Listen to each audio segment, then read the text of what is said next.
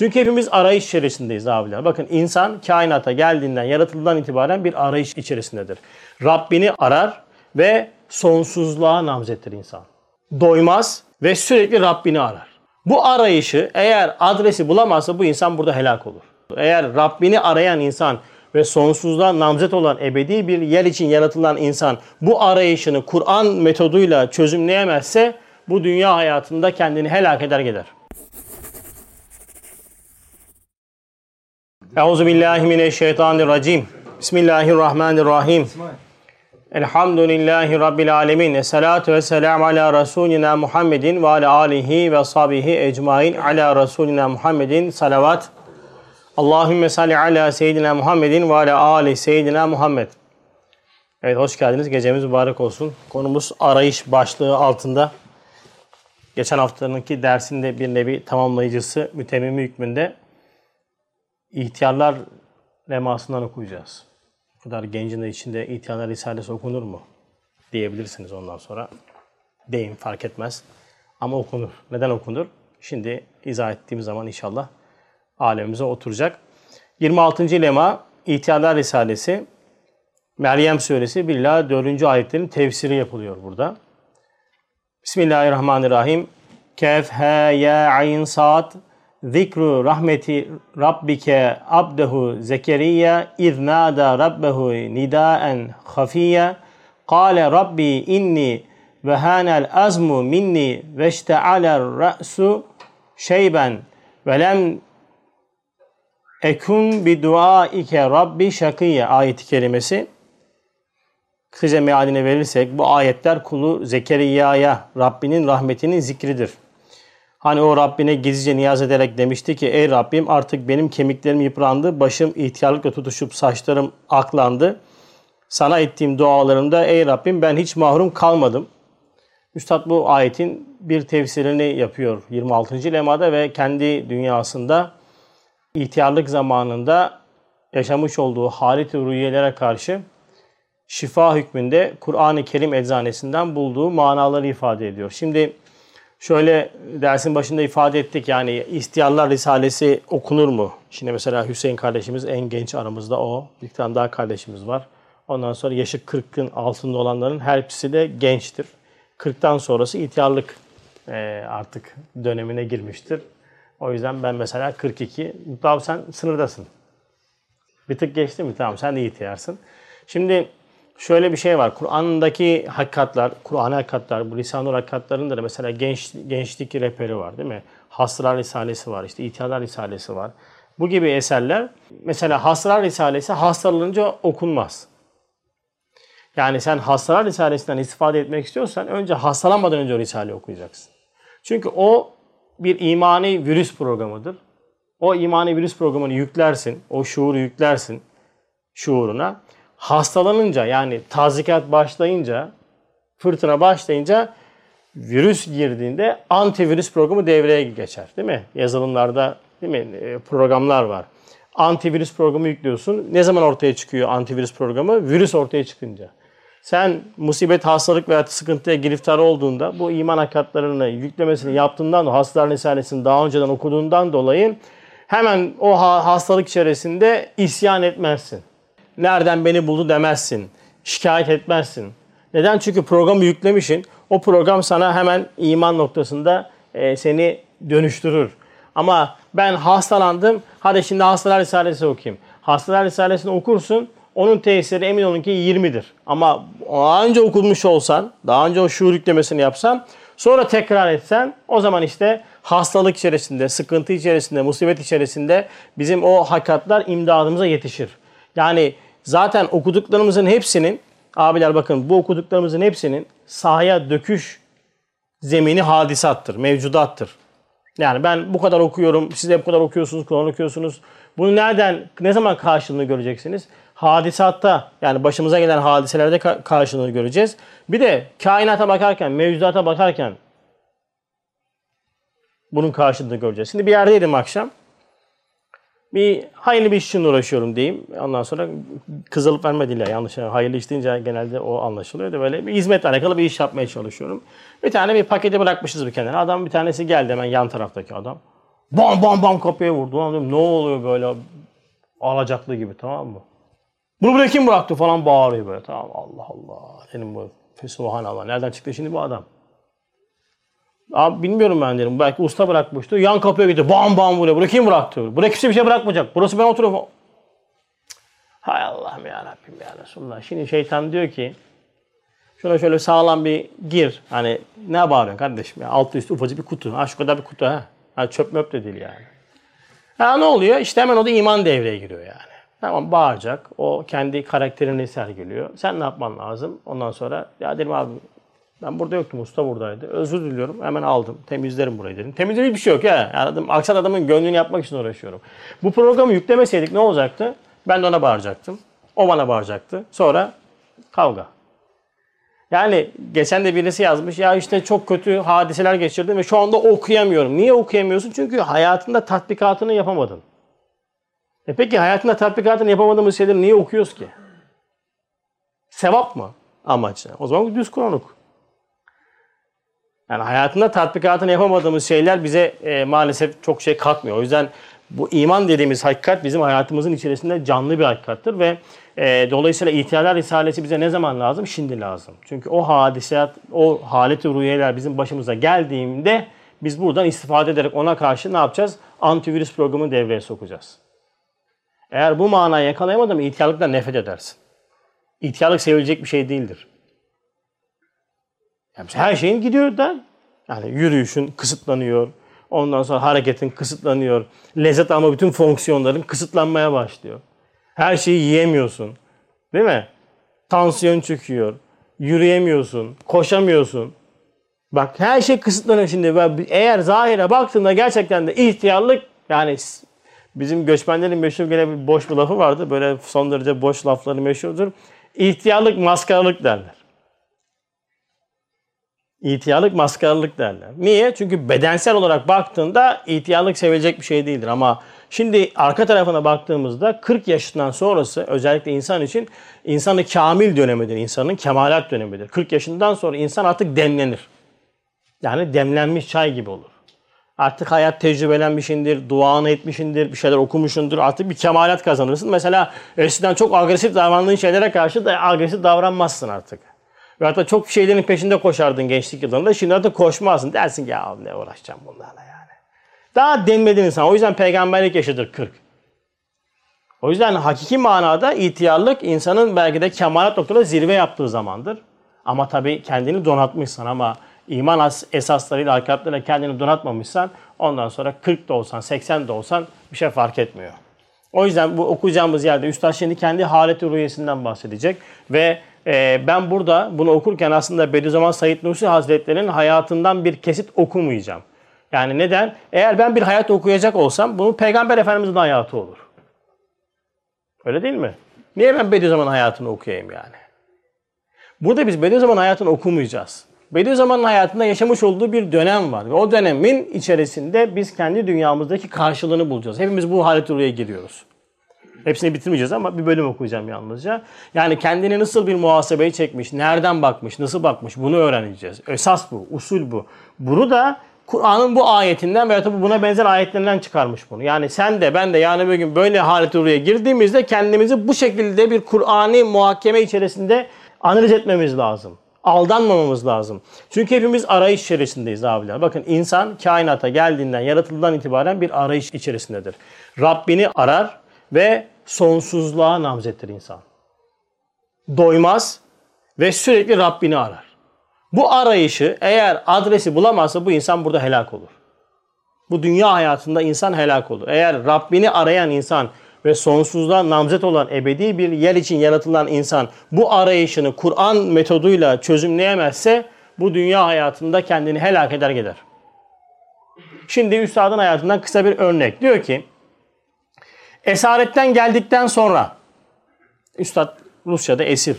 Birinci Dünya Savaşı'nda esir düşüyor ve ondan sonra İstanbul'a geliyor ve İstanbul'da e, çok hoş karşılanıyor. Çünkü hem hoca hem büyük bir alim hem de e, sen söyle vatan savunmasında vazife almış birisi e, ve kendisine bir bazı vazifeler veriliyor ve esaretten geldikten sonra nerede?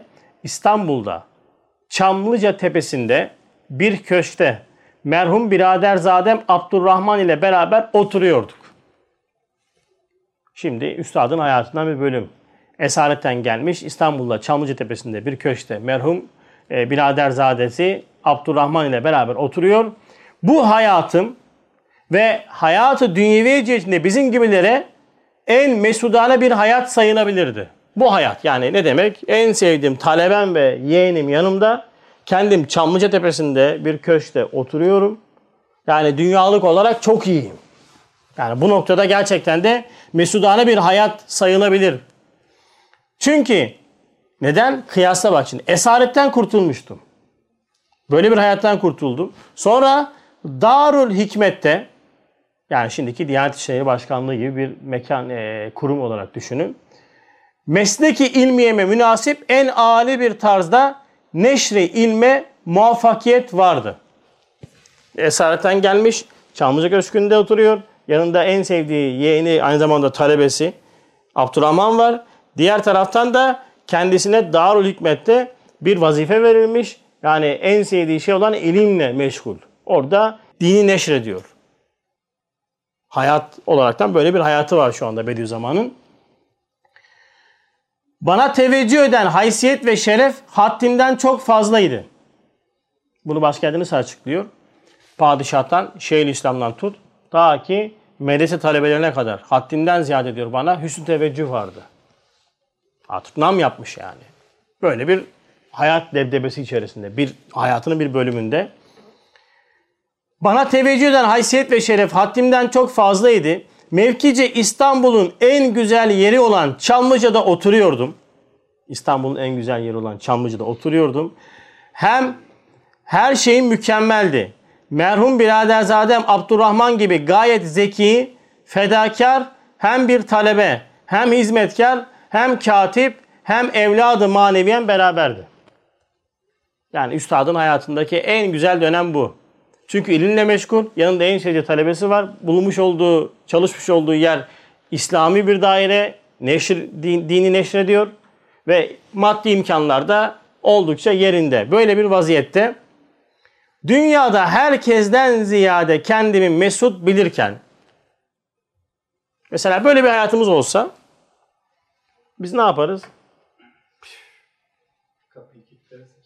Kimse bozmasın diye ondan sonra rahatımızın etliye de sütlüye de karışmayız değil mi? Sordular mı nasılsın diye. O, ya, çok iyiyiz ya elhamdülillah. Neye göre çok iyiyim? İşte Çamlıca'da oturuyorum. İşte talebem var yanımda. İşte böyle böyle işte uğraşıyorum. Bak çok güzel. İnsan gerçekten de e, böyle güzel bir hayat içerisinde herhalde bunun şükrünü eder ve kendine iyi bakar. Der ki çok iyiyim yani. Şimdi üstada bakın ne yapacak? Diyor ki dünyada herkesten ziyade kendimi mesut bilirken aynaya baktım. Saçımda sakalımda beyaz kılları gördüm.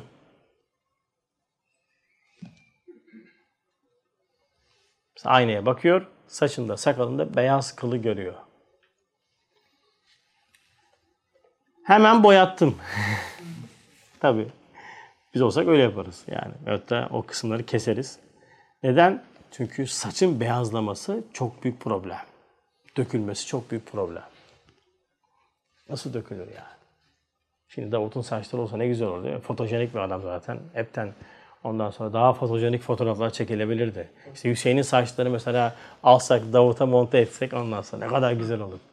Bir tane abi vardı dersine gelirdi eskiden de öyle diyordu. Onun da böyle saçı e, erken yaşta ondan sonra vefat etmiş. Çocuğunun saçlarını böyle okşuyorum diyor ya böyle. İç geçire geçire çocuğumun saçlarını okşuyorum diyor. yani çocuğunu sevdiğinden falan değil yani bu saçlar bende olsa ne güzel olur. böyle bir yara adamın aleminde. Ee, sen söyle. Tabii insan ister ondan sonra. Kimisi daha takıntılı oluyor. Böyle bir vaziyetteyken üstad kendisine aynada bakıyor ve saçında sakalında beyaz kılları gördüm diyor. Birden esarette Kosturma'daki camideki intibah ruhi yine başladı esirken üstadın yalnız kaldığında bir halet-i anlatıyor üstad. Yalnız gurbette, esarette olduğu bir dönemde bir halet-i. Hani bazen insan olur ya e, her şeyiniz tamdır ama bir şeyler böyle sizi rahat bırakmaz. Böyle için içine sığmaz. Böyle bir şeysin. Hüzün hali olur insanda. Herkese dönem dönem olmuştur. Genelde biz hanımlarla falan kavga edince olur veyahut da işler ters gidince olur ama normalde bu hüzün kalbin efendisidir. Hüzün bildiğimiz bu e, öfkeye bağlı, kine bağlı üzüntü değildir. Hüzün marifetullah dolu bir haldir. Ne demek bu? Mesela sen ne kadar dünyanın içerisinde, debdebesinde rahat da olsan, senin eğer kalbinin ve ruhunun aradığı yeri biliyorsan oradaki gurbet sana hüzün verir. Yani sen Rabbinden uzak, alem ahiretten ırak, bu dünya hayata, dünya hapishanesi içerisinde olduğunun farkına vardığında beden de seni eğer kayıtlamışsa ondan dolayı bir hüzün insanda oluşur ve hüzün kalbin efendisidir. Peygamber Efendimiz sallallahu aleyhi ve sellem öyle buyuruyor. Ben hüzün peygamberiyim diyor. Yani mahzun. Çok âli bir mertebe. Bizde genelde biz e, bizimki kine bağlı, öfkeye bağlı, işte işlerimizin ters gitmesine bağlı üzüntü hali oluyor bizde. Bu değil. Bu söylemiş olduğum benim direkt marifetullahla dolu bir hal. Üstad da Kostuma'da böyle bir hal yaşıyor ve onun eseri olarak kalben merbut olduğum, medarı saadet-i dünyeviye zannettiğim halatı esbabı tetkike başladım. Üstad diyor ki böyle bir halet rüyete gelince ben diyor bakayım şu vaziyetime. Ben ne haldeyim ya? Ne haldesin üstadım sen ne güzel bak Çamlıca Tepesi'nde köşkte oturuyorsun. Yanında birader zaten Abdurrahman var. Dinle, ilimle uğraşıyorsun. En zeki taleben yanında İslam'a hizmet ediyorsun. Dini neşrediyorsun değil mi? Darül Hikmet'tesin bir de. Ya bu kadar güzelliklerin içerisinde neden böyle bir halet rüye çöktü sana? Üstad diyor ki tetkike başladım. Araştırıyorum diyor şimdi ben bunun neden olduğunu, neden olduğunu araştırmaya başladım. Hangisini yani makamımı tetkik ediyorum. Bulunduğum yeri araştırıyorum. Talebimi araştırıyorum. Ondan sonra bu kadar imkanları araştırıyorum. Neden? Biz genelde bize bir şeyler verince biz araştırmayız, seviniriz. Öyle değil mi? Yani ben de öyle bilmiyorum sizde nasıl. Mesela çok şey kazandığınızda, para kazandığınızda ondan sonra işler tıkırında gittiğinde biz seviniriz. Ağzımız kulaklarımıza varır. 32 dişimiz gözükür. Ben fakat verilenlerin bazen bizi birçok şeyden uzaklaştırdığının farkında olmuyoruz biz. Sıkıntımız burada. Mesela bir şey veriliyor. Bir şey veriliyor. İşte bazen bir e, hanım veriliyor. Değil mi? Bazen bir çocuk veriliyor. Bazen iş veriliyor. Bir şeyler veriliyor, veriliyor, veriliyor. Sana bir şey verildikçe sen uzaklaşıyorsun.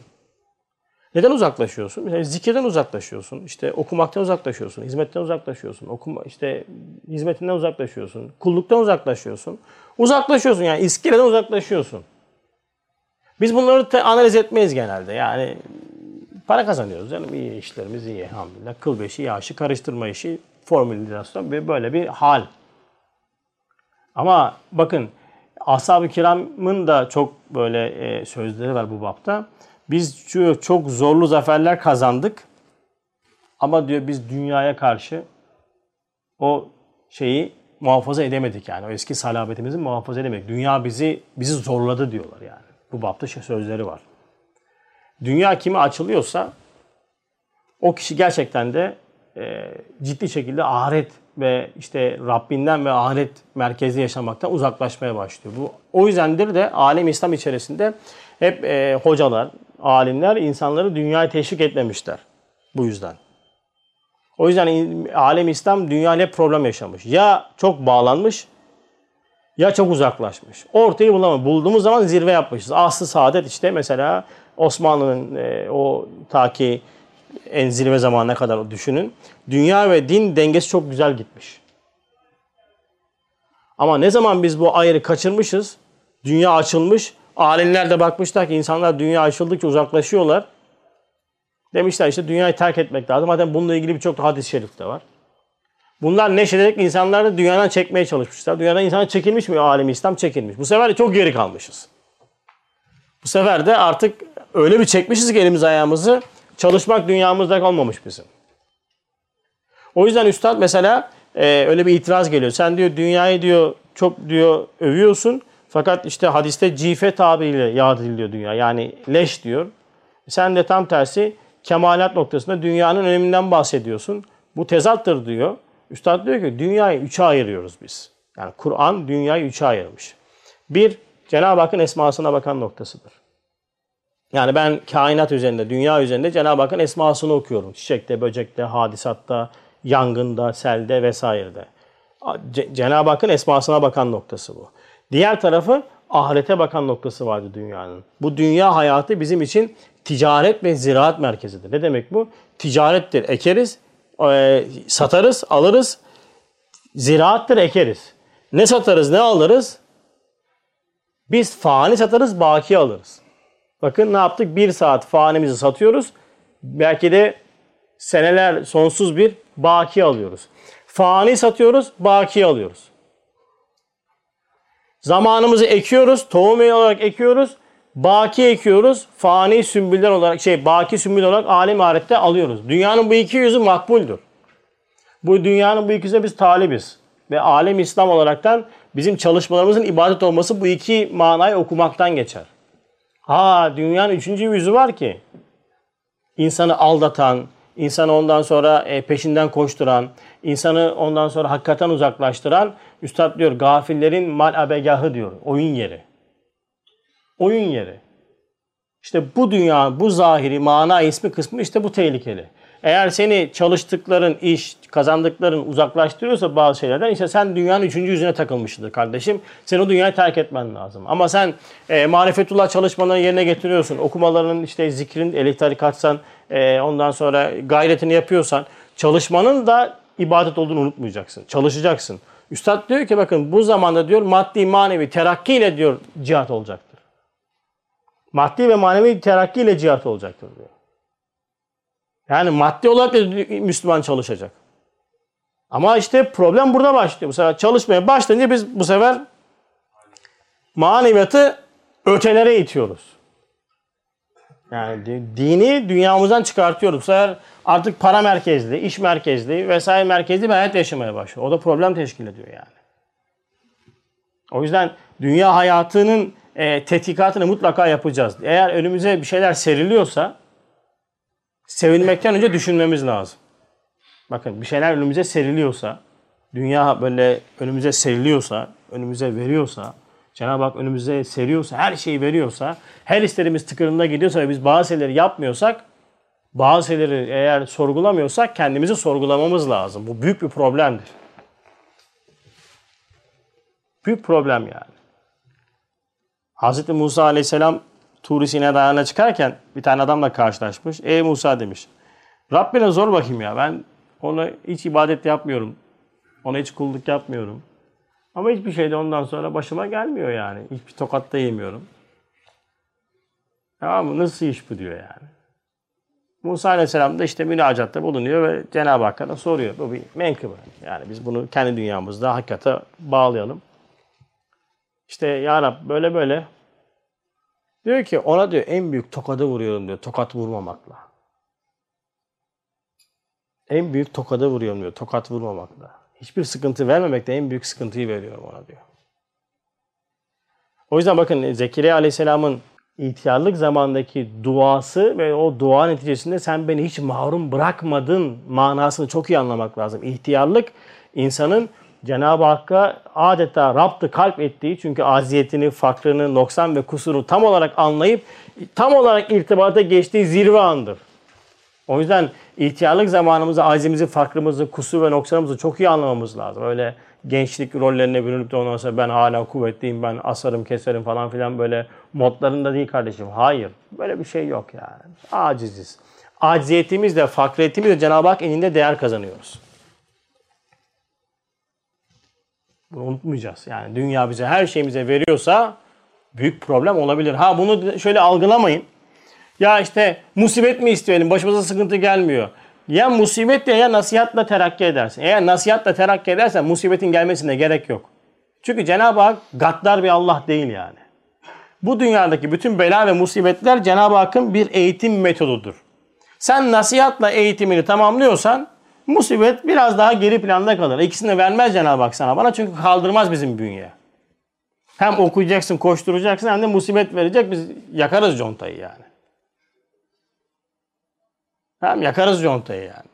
E ne yapıyor Cenab-ı Hak? Nasihatla alıyorsan tamam terakkim var, öğreniyorsun. Musibet artık biraz daha geri planda kalır. Veyahut da verdiği zaman da senin çift katlı bir terakkin olur. Öteki türlü yani bunca e, rahatımız içerisinde eğer yapmamız gereken şeyleri kenara atıp yapmıyorsak ve ciddileşmiyorsak o zaman kardeşim da ne yapacağız? Bediüzzaman'ın yaptığı gibi haletimizi tetkik edeceğiz. Ben ne yapıyorum? Ben neyim? Ne durumdayım? Neyle uğraşıyorum? Niye böyle? Niye böyle diye araştıracağız. Şimdi Üstad da araştırıyor ve diyor ki kalben merbut olduğum, medarı saadeti dünyeviye zannettiğim halatı, esbabı tetkike başladım. O yüzden bulduğunuz vaziyet medarı saadet olur gözükebilir. Cenab-ı Hak nice saadetler içerisinden felaketler yaratır, nice felaketler içinden saadetler yaratır. Neye göre plan? Abiler bakın bütün hayatımızın her safhasını, her anını değerlendireceğimiz yani diğer alem ahirettir. O diyara göre değerlendireceğiz. Oraya göre konuşacağız. Orayı bazal ona göre konuş. Noktayı merkezin pergelin bir bu olsun. Buna göre. İyiyim. Neye göre?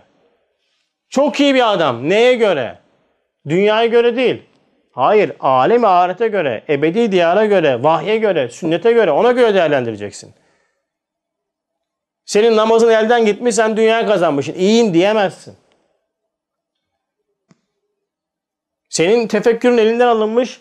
Ondan sonra bütün gün boyunca hiçbir şekilde tefekkür etmiyorsun. Ondan sonra kıl beşiği aşık kültürel bir namazla sen iyiyim diyemezsin. Noktayı merkezine koyacaksın kardeşim pergelini. Buraya koyacaksın buraya. Neye göre iyiyim ben?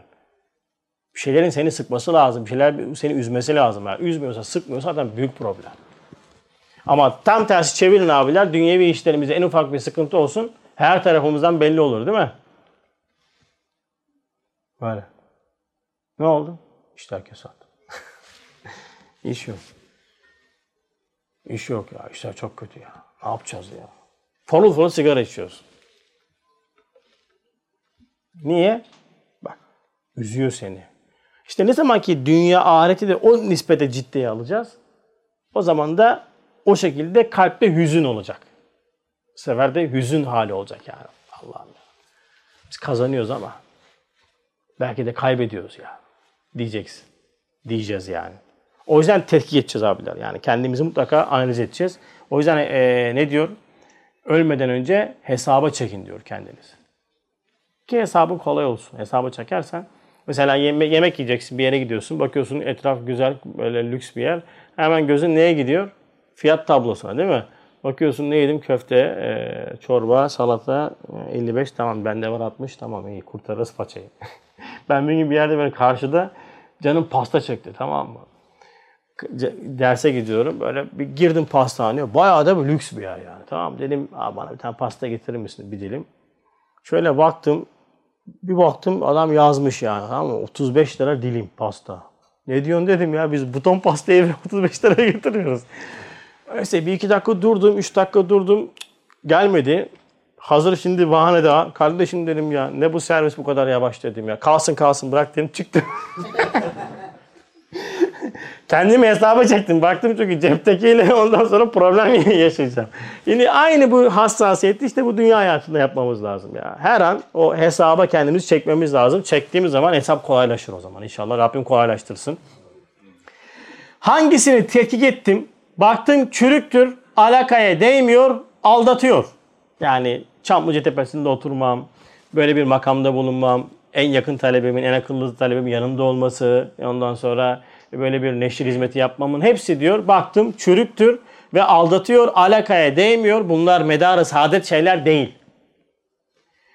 O sıralarda en sadakatli zannettiğim bir arkadaşımda umulmadık bir sadakatsizlik ve hatıra gelmez bir vefasızlık gördüm. Bir de ikinci darbede şeyden gelmiş. Yakınlarından bir tanesinden vefasızlık ve sadakatsizlik gelmiş. Acıtır. Çünkü abiler bakın uzaktaki adamın yapmış olduğu hainlikle en yakındaki kişinin yapmış olduğu hainlik bir olmaz. Yakındaki nereye saplayacağını bilir. Yani sen ona anlatmışındır zaaflarını, kusurlarını. O noktayı bilir yani. yani tak oraya bir değdirir ondan sonra cek cek bağırırsın. Ötekisi sallar nereye gelirse. Değil mi Osman abi? Herkes iyiyse. Ulan burayı söyleyince herkes böyle. Herkesin derdi var bir parça. Öyle. Niye peki böyle bir halet ruhiye devreye giriyor? Bakın bazen biz insanlara çok güveniyoruz. Öyle bir güveniyoruz ki her şeyi onlara bina üzerine bina ediyoruz. Allah diyor ki ona değil, bana güveneceksin. O yapmıyor, ben yapıyorum. Böyle bir dımdızlak ortaya bırakıyor seni. Ha orası zirve an işte. Orası adeta miracın hükmünde. Çünkü bazen mesela şimdi ben Mustafa ile bir iş yapsam Mustafa'dan e, Mustafa ile bir güvenim var. Mustafa'ya bel bağlamışım. Bir şey bina etmişim. Mustafa artık benim halinde haşa ve haşa rapleşiyor. Yani ne demek biliyor musun rapleşmek? Ben rapleştiriyorum Mustafa. O Mustafa olmasa ben ne yaparım? Mustafa. Mustafa'sız olmaz. Cenab-ı Hak diyor ki o Mustafa'dan gelmiyor. Onu ben yapıyorum. Alıyor Mustafa'yı kenara şöyle bir. Bakın Efendimiz sallallahu aleyhi ve sellem'in hayatında da bu, bu şeyi görürsünüz yani. Cenab-ı Hak ona Miraç'tan önce bütün etrafındaki en güvendiği e, insanları yanından alıyor. İşte hanımını, değil mi? Ebu Talip amcası. En çok destek veren kişiler, yani nübüvvetin başlangıcında kendisine en çok destek veren kişiler ve Cenab-ı Hak ona o Efendimiz sallallahu aleyhi ve sellem miraca hazırlamak için bütün o etrafındaki ona güven verecek olan bütün esbabı alıyor. Ve orada işte Miraç başlıyor. O yüzden böyle darbeler emin olun ki bilin ki çok güzel bir ressamın fırça darbeleridir. Güzel bir portre çıkartacak ortaya. Yani güzel bir Osman abi çıkartacak ortaya. Osman abinin ortaya çıkması için ama nasıl ki ressam böyle fırça darbesi vur tık tık tık tık tık tık tık. O darbelerin hepsi zahiri acıtsa da, zahiri biraz üstse de bizi, hakikatte bizi ala iyiliğine çıkacak olan ama doğru yorumlarsan, doğru yorumlarsan, doğru yorumlayamazsan o zaman uğraşır durursun kişilerle falan. O yüzden bileceğiz ki Üstad da böyle bir şey yaşamış. Tam o sıralarda en böyle sadakatli zannetmiş olduğu birisinden bir sadakatsizlik ve hatıra gelmez bir vefasızlık görmüş. Ve hayatı dünyeviyeden bir ürkmek geldi. Ürkmüş yani bu hayat. Gerçekten de öyle deriz ya bazen. Ya bu hayat tadı yok be. Ürkmek geldi. Kalbime dedim.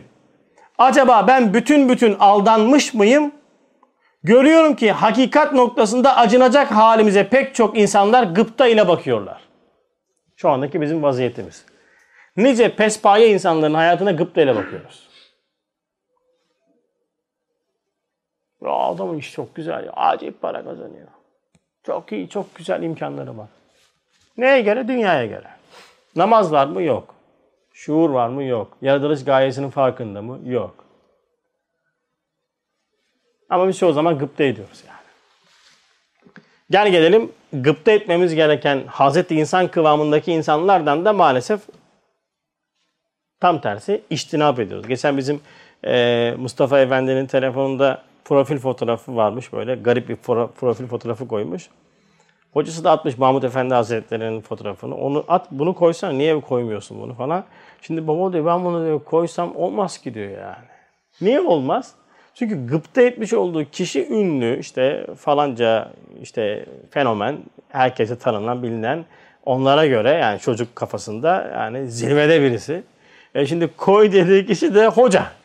Yani onun dünyasında. Ama büyük bir zat değil mi? Yani evliya Allah. Allah ondan razı olsun. Cenab-ı Hak hayırlı uzun ömür versin.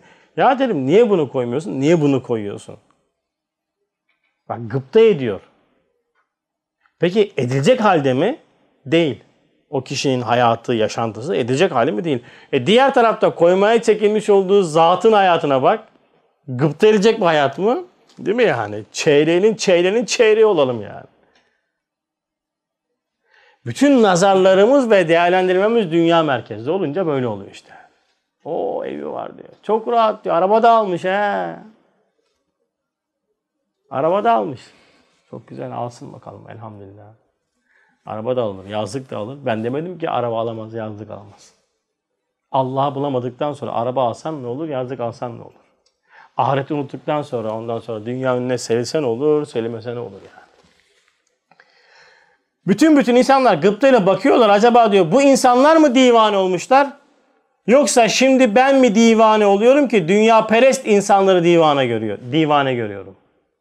Sorun kimde yani? Bu olmaması gerekiyor. Bakın abiler İslam vahyin terbiyesinden kendini geçirmiş bir kişinin şu anda analizini okuyoruz. Garip bir halet yani. Çamlıca tepesinde oturacaksın. En zeki taleben yanında imkanların has safhada yani gelmişin esaretten etraftaki herkes sana sen söyle hürmet gösteriyor. Padişahtan tut ta ki velesi talebelerine kadar Şeyhülislam'dan tut o zaman da Osmanlı'nın daha yıkılış dönemleri. Bu kadar imkanlar içerisinde debdebeli bir hayat içerisindeyken kendi haleti rüyesinde diyor ki bu hayat normal bir hayat değil. Bu hayat benim istediğim bir hayat. Benim arzuladığım bir hayat ama. Ya ben divaneyim ya Bediüzzaman divane.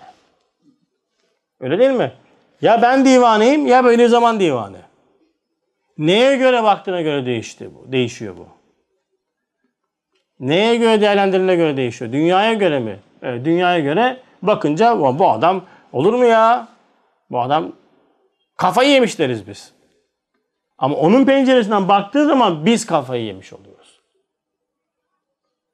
Ahiret merkezli bakınca böyle. O yüzden e, kişinin bakışına göre değişen hakikatlardır bunlar. Normalde bunlar bizim talep istediğimiz şeyler, arzuladığımız şeyler yani. Ben ihtiyarlığın verdiği şiddetli intibah, şiddetli intibah cihetinde en evvel alakadar olduğum fani şeylerin faniliğini gördüm. Şimdi tek tek analiz ediyor. Mahiyetine bakıyor. Ma- malzeme alıyorsun, bakıyorsun. Diyorsun ki mahiyeti nedir? Ee, sen söyle işte bu, bu, bu, içeriği bu. Şimdi elimize gelen her şeyin, aldığımız her şeyin, bize verilen her şeyin, hayatın, gençliğin, her şeyin ne varsa, içinde parant her şey parantezin dışında bir şey kalmıyor. Ne varsa üzerinde gözüken dört harfli net bir marka vardır. O da fanidir. Ve insan hiçbir fani ile tatmin olmaz abiler. Bunu unutmayın. İnsan hiçbir fani ile tatmin olmaz. O yüzden hep daha fazlasını ister insan. Bir tane aldın, araba aldın yetmeyecek sana. Ev aldın yetmeyecek sana. Ya şunu da alayım artık tamam. Bizim Emre Temiz öyle diyor. Ya şöyle bir diyor 50 bin lira bir kira gelirim olsun diyor artık diyor bırakacağım. Yok dedim bırakma ya. 50 bin lira kira gelirim. Tamam mı? Şimdi geçmiş senelerde bu 25 bin lira falan da şimdi tabii enflasyon oranları değişince tabii otomatikman e, gelir gider dengesi artıyor. Tamam mı? Şimdi yani hiç fark etmez. 50 bin liralık da alsan, 100 bin liralık da alsan, 1 liralık da alsan. Fanevi okuyamadın mı bitiyor. Çünkü her fani seni bakiye götürecek bir basamak hükmündedir. Bakacaksın çocukluk fani, gençlik fani, ihtiyarlık fani, dünya fani, verilen her şey fani. E bu kadar fani niye var? Ya baki, entel baki. Oraya ulaşmak için var. Sen arayıştasın. Sen çocuğunu severken aslında sevmiş olduğun çocuk değil. Bak çocuk büyüdükçe sevgin azalıyor. Ondan sonra hastalanınca üzülüyorsun. Allah hayırlı uzun ömür versin. Vefat etse değil mi? Vefat etse bak canın yanıyor. Bir şey alıyorsun elinde durmuyor. Bak kendi hayatının elinde durmuyor. Her şey gidiyor. E bu kadar gidenler nereye gidiyor? Neden durmuyorlar? Bütün bunların hepsi bu fanilerin hepsi seni bir arayışa etmesi lazım. İşte o arayışın neticesinde de senin ağzından dökülecek zikir nedir? Ya baki entel bakidir. Yani ya Rab ben bütün bu faniler üzerinde okudum, gördüm. Ya ben seni arıyormuşum ama farkında değilmişim. Bunu bulamadınız mı işte?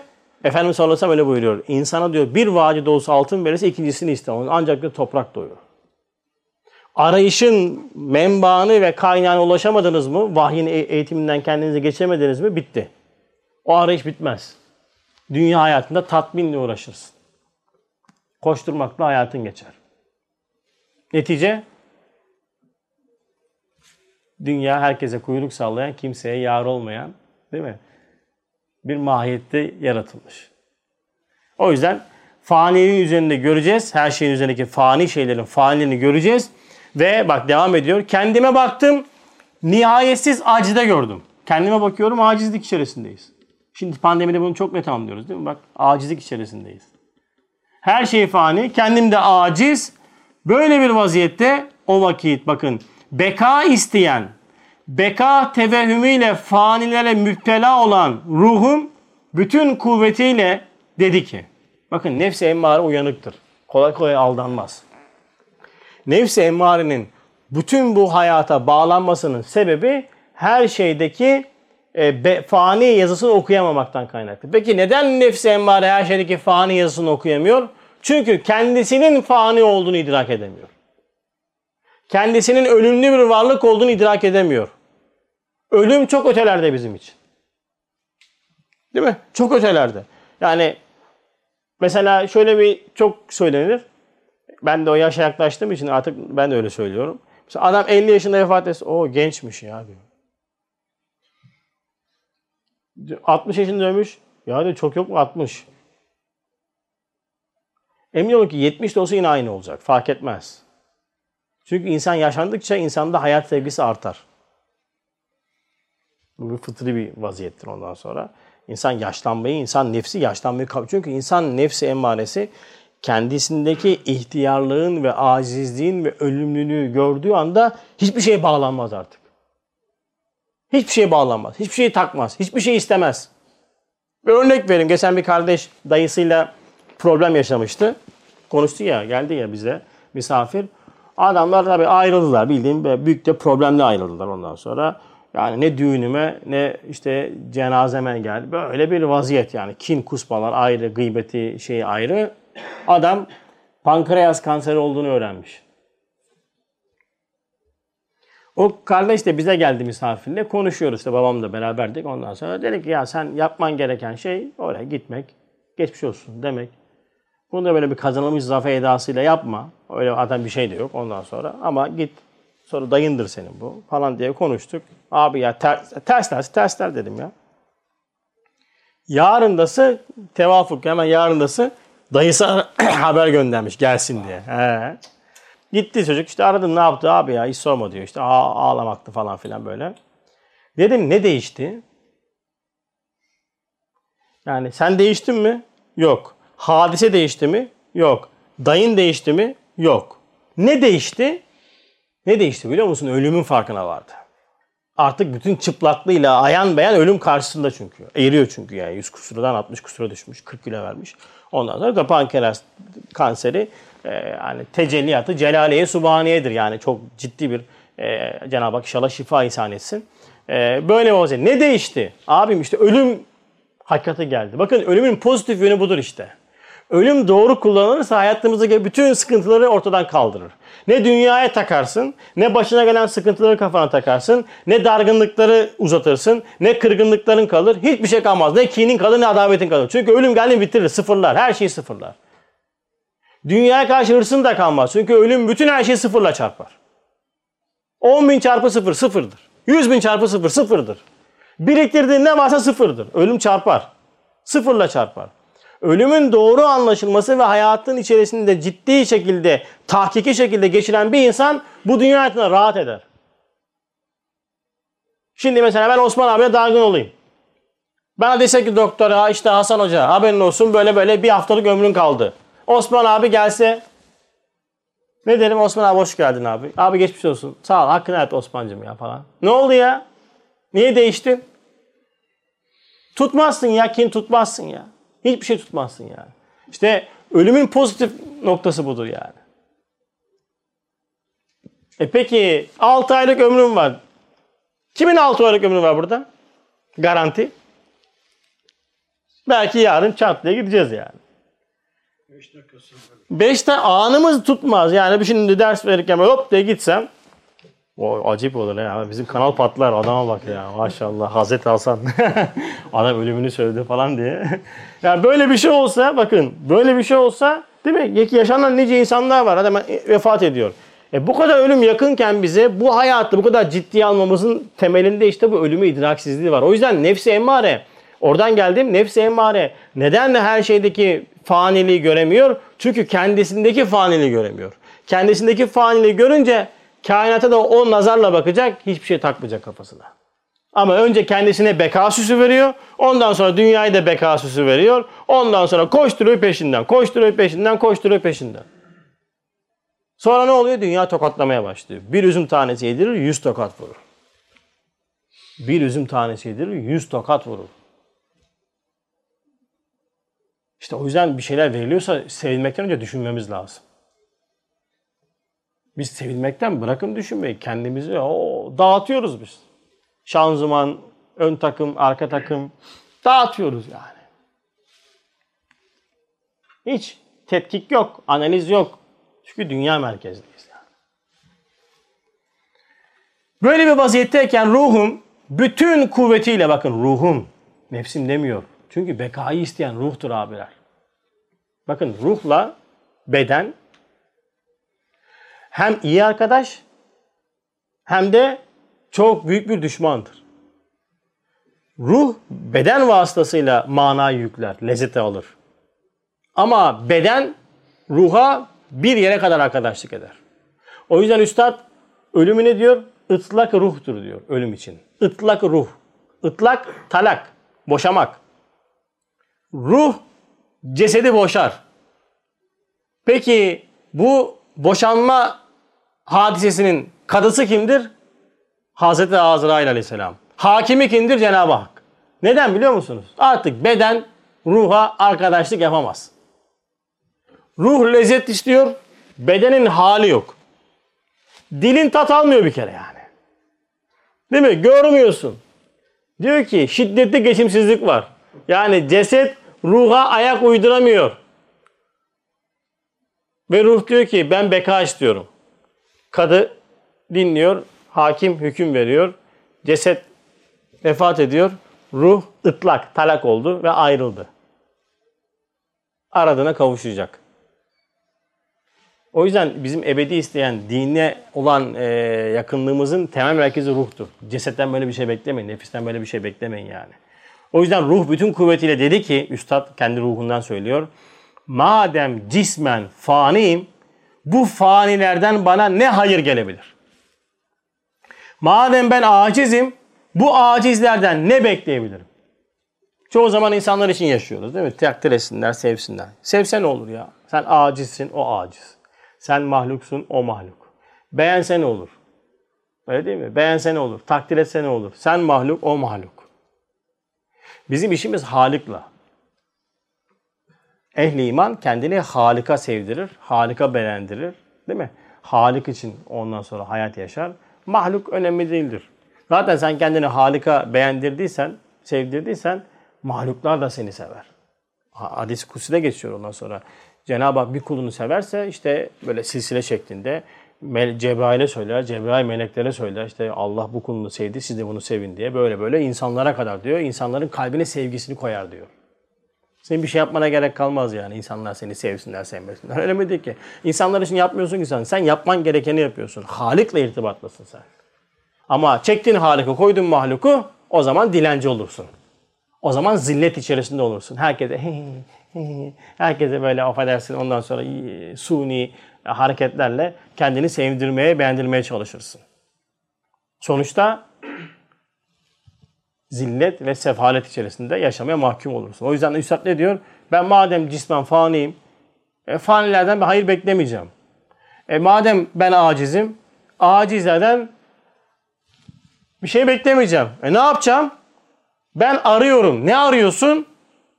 Benim derdime çare bulacak bir baki sermedi, bir kadiri ezeli lazım. Ruhumun bu ebed arayışının karşılığında bana o ebediyeti verecek bir baki sermedi lazım. Bütün bu acizime binaen benim her şeyimi karşılayacak bir güç lazım. Bir kadiri ezeli lazım diyerekten taharriye başladım. Araştırmaya başladım diyor. Arayış neticeyi verdi. Kur'an sorusu olanlara cevap verir. Kur'an arayışta olanlara yol gösterir. Cenneti, ebedi hayatı arayan, aradığının farkında olmayan kişi için Kur'an'ın alem ve ahiret haberleri masal gibi gelir. Rabbini aradığının farkında olmayan, bütün mahlukat ve mevcudat üzerinde Cenab-ı Hakk'ın izini, özünü görmeyen, her gördüğü şeye bağlanan, her görmüş olduğu tatlı, lezzet almış olduğu şeye köle olan bir kişi arayışta olmaz. Arayan, aramayan kişiye yol gösterilmez. Kur'an arayan kişiye yol gösterir. O yüzden soru soran, soruların farkında olan kişiler Kur'an'ın en has talebesidir. Ama aramıyorsan Kur'an ne eylesin sana? O zaman senin için bu baki, sermedi, kadir ezeli ne lazım ki? Kadir ezeli sana ne zaman lazım biliyor musun? Çok sıkışınca, halledemediğin işlerin olunca başvuracağın bir makamdır kader-i ezeli senin. İşimiz Allah'a kaldı yani.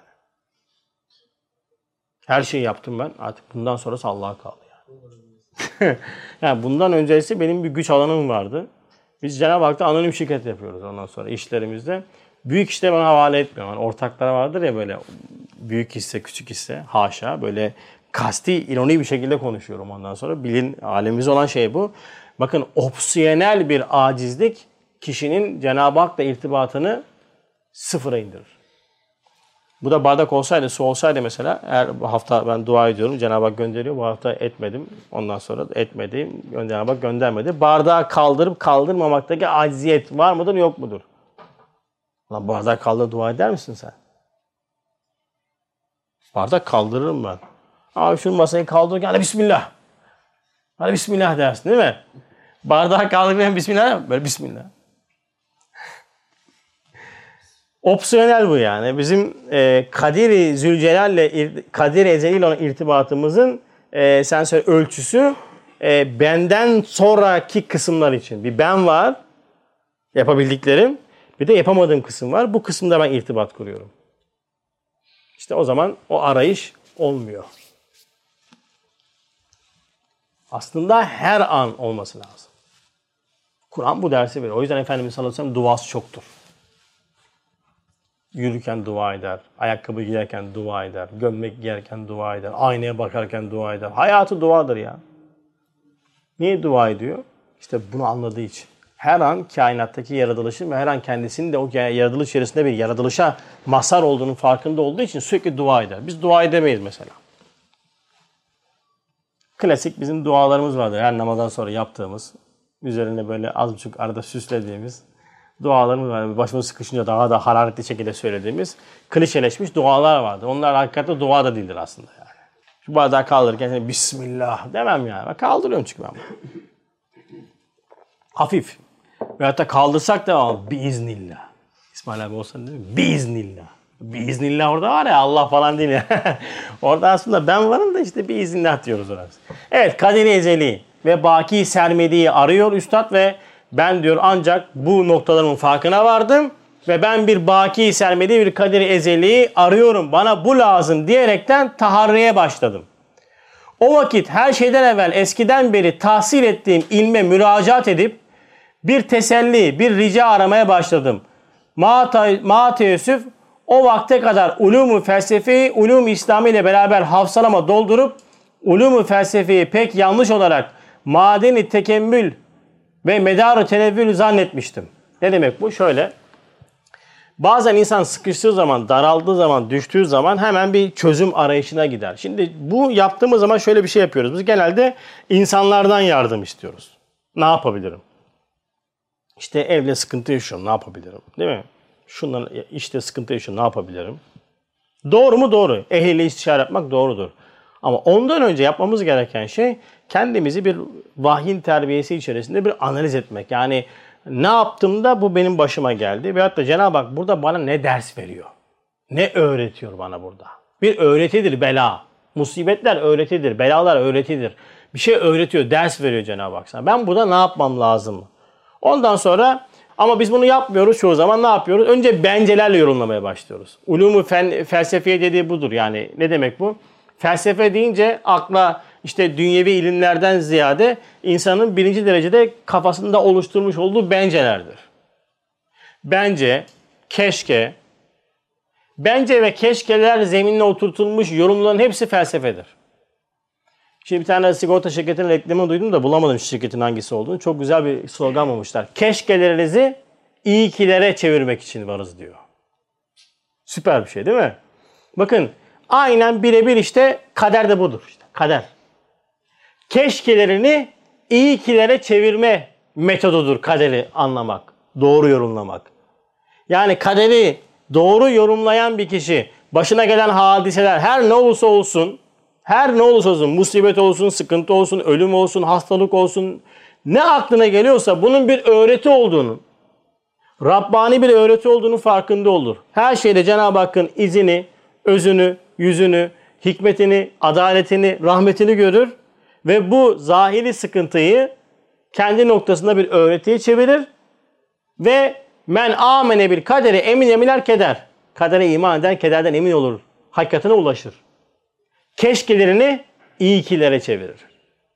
Ama biz keşkeleri çeviremiyoruz. Keşke böyle yapmasaydık.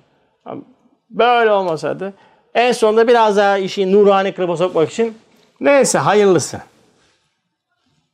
Yani Cenab-ı Hakk'a karşı yapılabilecek böyle en böyle nurani tenkit. Neyse hayırlısı yani. Böyle olmaması lazım ama şimdi ayıp olur bir şey dersin. iyi ikilerimizi, e, keşkelerimizi iyi ikilere çevirmek. Bakın. O yüzden bu bununla olmaz. Yani ulumu felsefeyle olmaz. Vahiyle olur. Vahyin terbiyesiyle olur. Eğer önce onu koyarsan, kendini manevi noktadan analiz etmekten geri kalırsan, çözümü Kur'an ve sünnet üzerinden verilen mesajları algılayamazsan, o zaman işte vahiyden önce ulumu felsefeye devreye giriyor ve iş gitgide çıkmaza dönmeye başlıyor. Bu sefer hep hariçte kavga etmeye başlıyoruz. Hariçte sürekli bir düşman üretip ona karşı direnen işte yıkılmadım ayaktayım. Ondan sonra e, bilmem ne mesaj. Harice sürekli mesaj verme. Yani bir e, inne nefse le emaratun bis su ila ma rahime rabbi. Kendini temize çıkartmayan bir peygamber. Yusuf Ali değil mi? Yusuf Aleyhisselam diyor. Ee, böyle bir peygamber ben diyor nefsimi temize çıkartmam. Biz kendi nefsimizi ter, tebriğ ediyoruz, temize çıkartıyoruz ve hariçte düşman üreterekten kendimizle e, insanlarla şey yapıyor, savaş halindeyiz. Ne zaman inni küntümüne zalimin diyeceksin, ne zaman benden dolayı oldu diyeceksin. O zaman işte kurtuluşa ereceksin. Bütün peygamberlerin hayatlarına bakın Kur'an'da geçen Hz. Adem Aleyhisselam, Yunus Aleyhisselam, Eyüp Aleyhisselam değil mi? Hepsi nefislerinde meseleyi çözümlemişler ve oradan kurtuluşa ulaşmışlar. Hariçte uğraşmamışlar. Mesela Yusuf Aleyhisselam gibi olsanız, olsam, değil mi? Ya yapılma çocuk yaşta kuyuya atıyorlar, bilmem ne yapıyorlar, işte gidiyor, köle olarak satılıyor, hapishaneye düşüyor. Dönüyor, kardeşleriyle buluşuyor, kavuşuyor ve diyor ki bugün diyor size kınama yok diyor. Allah sizi affetsin diyor. Ayette geçiyor. Siz ne yaptınız böyle ona abi dedik bağrımıza bastık yaptınız şeye bakın şimdi ben Mısır Aziz'im karşıma geldiniz bundan sonra hadi bakalım şimdi siz görün bakın dünyanın kaç bıçak olduğunu demiyor. Çünkü vahyin terbiyesine gelen kişi kendini ulum-u İslamiye ile analiz etmeye başladığında hariçte uğraşmaz. Eğer hariçte uğraşıyorsak daha oturmamış şeyler var, taşlar vardır yerinde yani. Üstad da kendi dünyasında böyle bir o vakitte böyle bir vaziyet içerisinde olduğunu ve hemen bu noktada terakkiyeti manevi mi engel olduğunu söylüyor. Bakın terakki edemezsin. Bencelerle, keşkelerle yorumladığın nispette hayatı terakkin olmaz. Çünkü bütün musibetler, sıkıntılar insana terakki ettirir. Celal terbiyesidir. Celal medresesinden geçiyorsun. Celal medresesinden geçen kişinin terakkisi çok hızlı olur ama dersleri ağırdır. Sarsarlar yani. Ama terakki müthiştir. Öteki türlü yani belki de 60 sene boyunca mesafe kat edemez. Bir elin yağda, bir elin balda, araban, evin, ondan sonra rahat bir yaşantın. Tam bir kültür Müslüman olmuşsun. Ondan sonra e, sen söyle hiçbir şey ete süte dokanmıyorsun. İşte belki bir haftada bir gün bir saat sohbet. 3 sayfada kitap okudum mu daha da bundan sonrası evliyalık zaten. Modunda bir hayat yaşarken terakki püf, 120 sene geçsin. Yani ancak iki, iki tık yaparsın yani. Ama iki celal terbiyesinden geçti mi böyle bir musibet, bir hastalık, bir imtihan o da böyle tık tık tık tık tık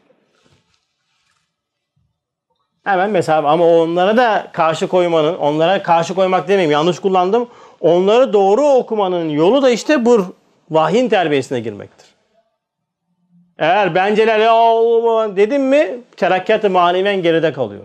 Ve terakki edeceğine tedenni ediyorsun. Ortası yoktur bakın abiler. İnsan duramaz. Kainatta duran hiçbir şey yoktur. Aynı kalmak diye bir şey yoktur. Ne yapıyor Recep? Aynı abi ya diyor. Gülüyor yani. Nasıl aynı olacak abicim? Ya böyle ya böyle. Kesinlikle durmak yok. Yukarı çıkmadı mı aşağı iniyorsun. Yukarı çıkmadı mı aşağı iniyorsun. Ya şöyle durayım şöyle durdum yok. O yüzden bir günün bir günü denk olan ziyanıdır diyor Peygamberimiz sallallahu aleyhi ve sellem. Her an terakkide olmamız gerektiğini ders veriyor bize. Öyle yok yani hani ben uçarım işte durdum abi kaç biraz durdum. Yok. Durdun mu düşüyorsun bil. Derinleşme azmin olmadı mı sığlaşmaya mahkumsun. İnsaniyet böyle bir şey yani. O yüzden e, ulum-u İslamiye'de derinleştiğimiz nispette terakkiyat-ı manevi hızlanacak. Zirve yapacağız. Rabbim nasip etsin hepimize inşallah. Ve birden Cenab-ı Hakk'ın rahmet ve keremiyle Kur'an-ı Hakim'deki hikmet-i kutsiye imdada yetişti. Hikmet-i kutsiye imdada yetişti. Kur'an-ı Hakim imdada yetişiyor. Boğulan adamın imdadına yetişiyor Kur'an-ı Kerim. Boğuluyorsun ama yüzyum taklidi yapıyorsun. Sırt üstü. Boğuluyorsun, yüzyum taklidi yapıyorsun. İmdat istemeyene yardım gider mi? Biz mesela Kur'an'daki hep örnek veriyorum ben. Lillezine amene huden ve şifaun ayet kelimesi değil mi? Öyle miydi? Müminlere şifadır diyor Kur'an-ı Kerim. Biz bu şifayı genelde e, başımıza acı üflesene bana diye anlıyoruz. Başıma üflesene bana bir. Okusana beni. Bu yok mu? Var. Tamam. Ama emin olun ki bu değil. İşte esas şifa bu. Bekayı isteyen ruhun dünya hayatı içerisinde esarettedir kardeşim. Ne de bak esaretten geldikten sonra esaretteyiz hepimiz abiler. Gurbetteyiz hepimiz. Hastalık bu. Kur'an sana şifa veriyor işte. Sana Baki Zülcelal'i tanıtıyor. Baki Zülcemal'i tanıtıyor sana. Sen burayı arıyorsun diyor. Ahireti de sana anlatıyor. Oh diyorsun be. Adam psikoloğa gidiyor. Psikolog iki tane şey gösteriyor. Şey yöntem söylüyor. Adam diyor bir anlattı diyor abi. Tam diyor bana. Tam diyor böyle cuk diyor oturdu diyor. İşte hastalıklarımızın farkına vardığımızda Kur'an ayetlerinde verilen mesajlar bize böyle hani cuk diye oturacak. Tam kendimizi bulacağız orada işte. Ama biz genelde Kur'an'ı daha çok başkalarının okuduğumuzdan dolayı veyahut da başkalarının hayatı şeklinde okuduğumuzdan dolayı bu manayı bulamıyoruz. O yüzden e, böyle bir mana içerisinde Üstad kendi dünyasında sıkıntı içerisinde boğulurken hemen Kur'an'ın imdada yetiştiğini söylüyor ve ne yapmış Kur'an hakim? Hikmeti kutsiye ile imdada yetişmiş ve çok risalelerde beyan etmiş olduğu o felsefi meselelerin killerini yıkadı, temizletti. Bencelerden kurtardı. Hüda penceresinden bakmaya başladı. Hakikati görmeye başladı. Hakikatin önündeki vehim, vesveselerden kurtuldu. Hakikati müşahede etmeye başladı. Hakikat güzeldir. Hakikati gördük mü rahatlarız. Hakikat Kur'an vasıtasıyla çözümlediğin hayattır. Eğer bulamadığımız zaman kavga bitmeyecek. Diye böyle konu devam ediyor ve Üstad burada kendi hayatını işte verilmiş olan makamı ondan sonra vesaire vesaire noktaları tek tek analiz etmiş. Böyle yaklaşık 3,5 sayfa devam eden bir yer. Meraklıları için 26. lema 11. rica. Sizi buraya havale ederekten bugünkü dersimizi bitiriyoruz. Burada kesiyorum çünkü çok uzun gidecek. Evet. Cenab-ı Hak inşallah manevi hastalıklarımıza, maddi hastalıklarımıza şifa ihsan eylesin. Hasaten de Avustralya'da galiba Mensur abimizin yakını Gosti vardan. O da e, bir bayan rahatsız. Cenab-ı Hak ona da acil şifa ihsan eylesin. Yakınlarına sabır ihsan eylesin. Şu anda bütün hasta olan hastalara da Cenab-ı Hak acil şifalar ihsan eylesin. Orman yangınları var e, maalesef. Cenab-ı Hak inşallah tez zamanda oradaki yangınları da bir an önce söndürsün. İnşallah oraları tekrardan böyle hay esmasıyla hayatlandırsın, yeşillendirsin. İçinde bulunduğumuz dünyanın kıymetini bilmeyi nasip eylesin hepimize. İnsaniyetimizi İslamiyet ile şekillendirip yorumlamayı hepimize nasip eylesin. Velhamdülillahi Rabbil Alemin. El Fatiha.